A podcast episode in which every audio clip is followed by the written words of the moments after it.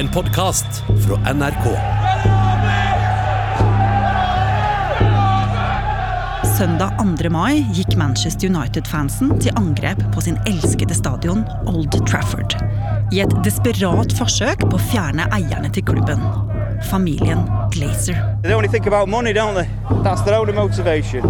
They don't care about English football. They don't know the culture. You know, it's only only only money will get rid of him. Hvordan skal familien Glazer ha ødelagt det mest berømte laget i verdens største sport? Og finnes det egentlig noe alternativ? Du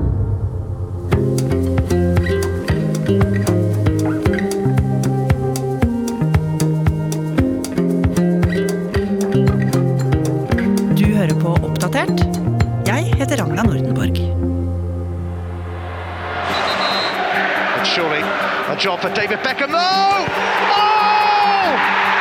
That was brilliant! På 90-tallet skjedde det store endringer i fotballen. Plutselig begynte det å strømme penger inn i sporten, og særlig til engelsk fotball. Nicky Butt is in the clear. Manchester United are in the lead.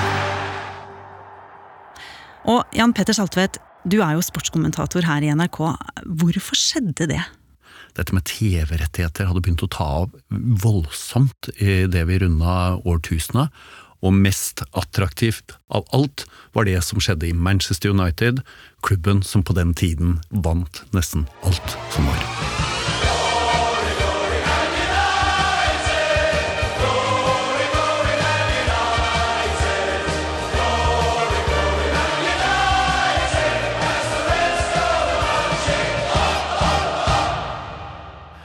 De solgte drakter med solskjær og navnene til de, alle de andre stjernene på ryggen i titusenvis eh, rundt i hele verden plutselig. Manchester United var plutselig blitt en av verdens største, ikke bare fotballag, men merkevarer. Og dette skjønte man jo hadde et enormt potensial økonomisk. Og dette var det noen som satt og fulgte med på fra Florida. Nemlig Avram Glazer, sønnen i det søkkrike familieimperiet til faren, Malcolm Glazer. Malcolm Glazer var en fyr som tydeligvis likte å utforske de mulighetene livet ga ham. Han starta i familiens urmakerbedrift, men etter hvert ble han eiendomsmogul i Florida. Og i 1995 utvida han porteføljen. Da kjøpte han en amerikansk fotballklubb fra Florida, nemlig Tampa Bay Buccaneers.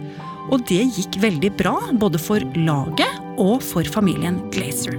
The first person to greet the Tampa Bay Buccaneers was always Malcolm Glazer. He was more than the Bucks owner. He was their biggest fan. We've got the best team in America. From the top down, we've got the best people with the most enthusiasm, and I'm so proud to be a part of this team. Og denne familien var jo en gjeng som var vant til å utvide businessen til stadig nye områder. Og med suksessen fra det amerikanske fotballaget i bagasjen, så var det kanskje ikke så rart at sønnen Avram Glazer klarte å overtale faren til at familien skulle kjøpe aksjer i Manchester United på starten av 2000-tallet. I begynnelsen eide de bare noen få aksjer, men etter hvert eide de så mye at de fikk gjennomslag for å ta opp store lån for å kjøpe opp resten av klubben, med sikkerhet i klubben selv. Og Manchester United ble satt i gjeld for første gang på 75 år. Og like etterpå dro familien Glazer på sitt første besøk til Old Trafford. Og de trodde jo muligens at de kom i triumf. I stedet ble de møtt av rasende fans som var sinte for at klubben var satt i så stor gjeld. Who's going to pay for that debt? The likes of the fans on the street by everything going up, increased prices. If you're Malcolm Glazer, surrender all day! Og familien endte rett og slett opp med å bli eskortert vekk av politiet i full fart.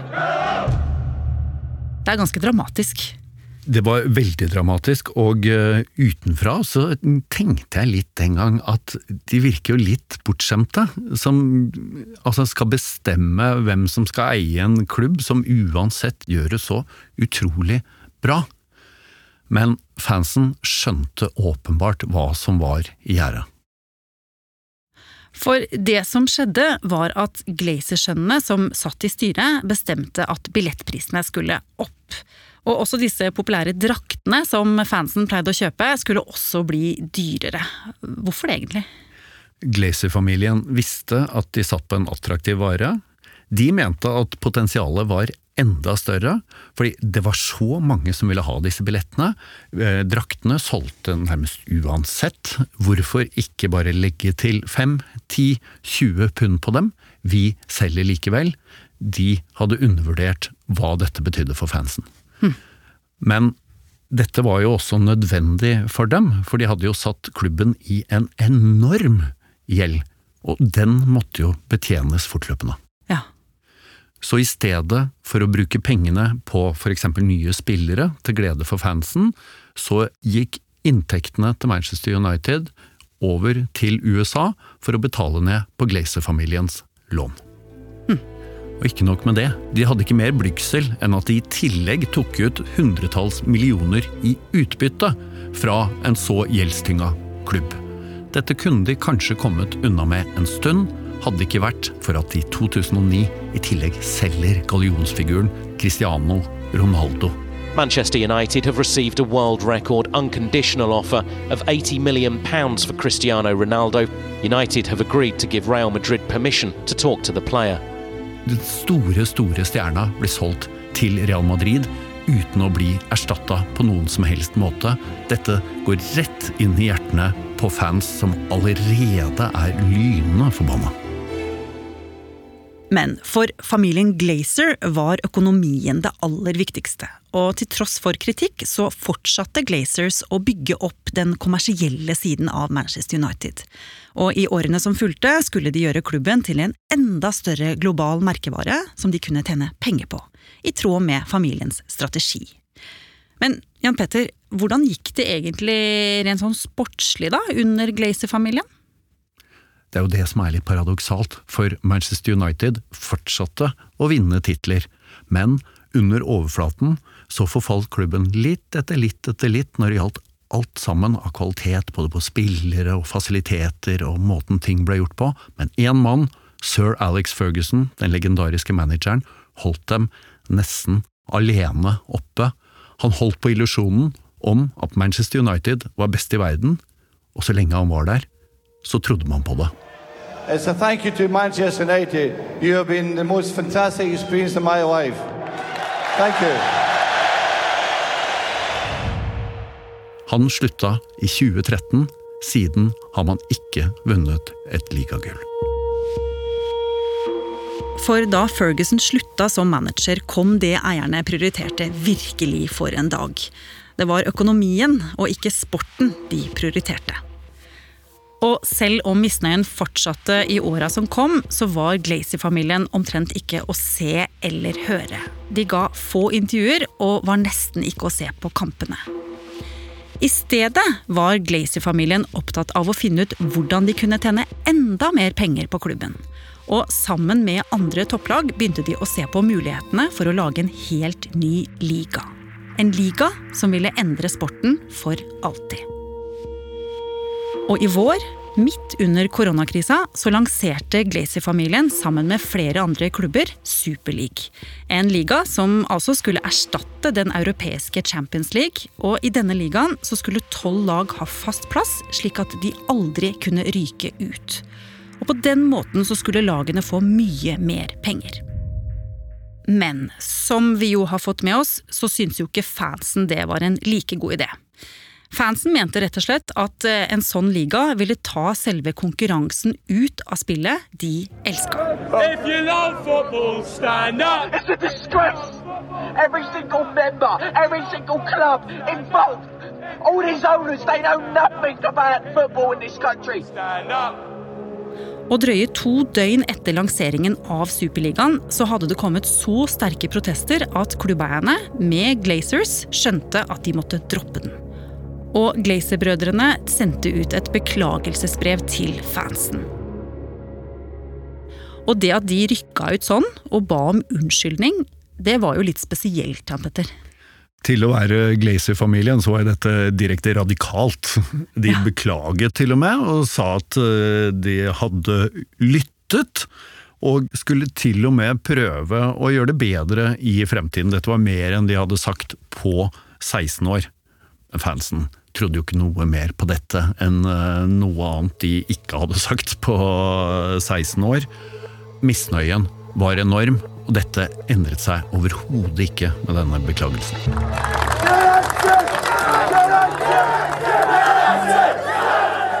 Og 2. mai var det første hjemmekamp for Manchester United i ligaen etter denne superleague-fadesen. En kamp som da hadde stor interesse fordi det var hjemmekamp mot erkerival Liverpool.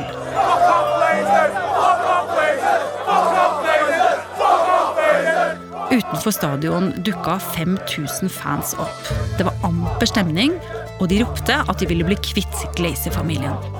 Så finner noen en glassdør og bryter seg inn på selve stadion. De løper inn på gressmatta med skilt der det står 'Glazers out'. Store spørsmålet var jo hva familien Glacier skulle si til dette, og om de faktisk ville trekke seg ut av klubben. Men de var som vanlig helt tause. Men en reporter i Sky News dro til Florida og oppsøkte Avram Glazer på gata. Do you have anything to say to Manchester United fans, Mr. Glazer? Nothing to say at all. Bildene viser at Avram Glazer bare ser rett fram for seg og går videre mot Aston Martin sin, med reporteren gående rett ved siden av seg. Are the fans just customers to you? This is an opportunity for you. An apology, perhaps.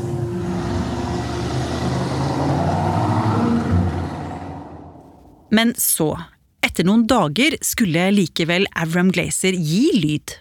Fredag 7. mai skrev familien Glazer nok et unnskyldningsbrev. Og denne gangen så sa de ikke bare at de var lei seg for Superleague-framstøtet. De lovet også at de skulle komme med en ambisiøs pakke med tiltak, oppgradering av både Old Trafford og treningsanlegg, i tillegg til å engasjere seg i større grad i fanforum for å forbedre dialogen med klubbens tilhengere.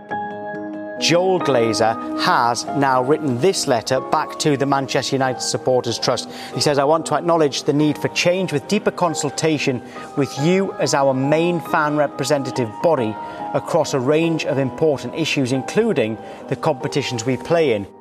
PR bullshit. I don't know what to. I, I actually know. I know exactly what to make of it. It's bullshit. I don't believe a word of it, and why would I? 16 years of the Glazers has taught me not to trust them. Og Jan Petter, dette viser jo at Glazer-familien ønsker å forbedre forholdet til klubben, og kanskje også ta bedre vare på supporterne og fasilitetene. Men som vi jo så av reaksjonene som kom umiddelbart etterpå, så viser jo de at tilliten er tynnslitt. Og mange fans tviler jo på at noe faktisk kommer til å skje.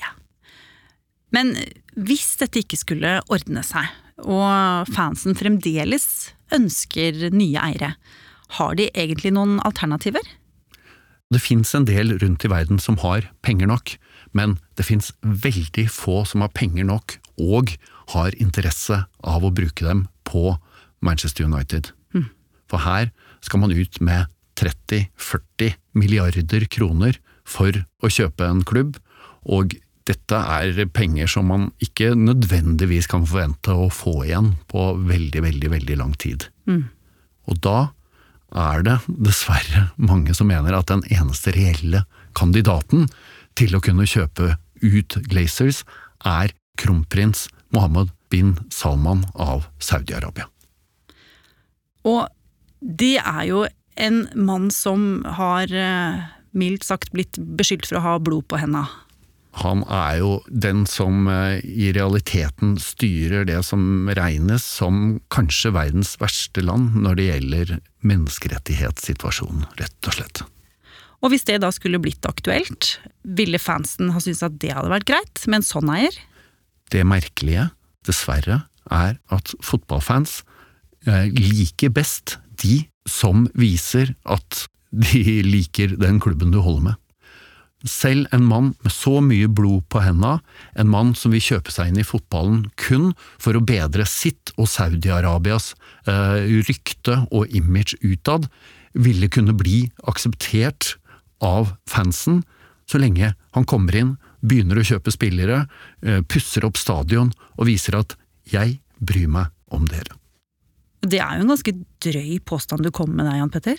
Ja, men eh, grunnen til at jeg kan si det, er at samme bin Salman var aktuell for å ta over en annen engelsk klubb, Newcastle, i fjor.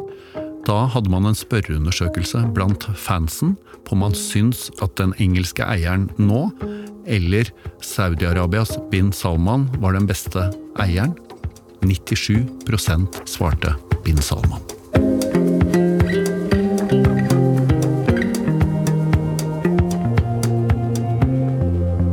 Har du lyst til å bli fast lytter av oss i Oppdatert og få påminnelse om nye episoder, er det bare å følge oss i NRK radioappen. Og så er det veldig hyggelig hvis du vil anbefale oss til en venn.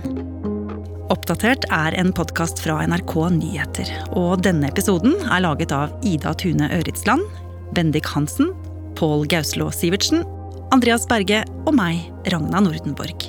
Eva Midthun Leira er redaksjonssjef. Vil du kontakte oss, gjør gjerne det på oppdatert krøllalfa nrk.no. Du har hørt en podkast fra NRK. Hør flere podkaster og din favorittkanal i appen NRK Radio.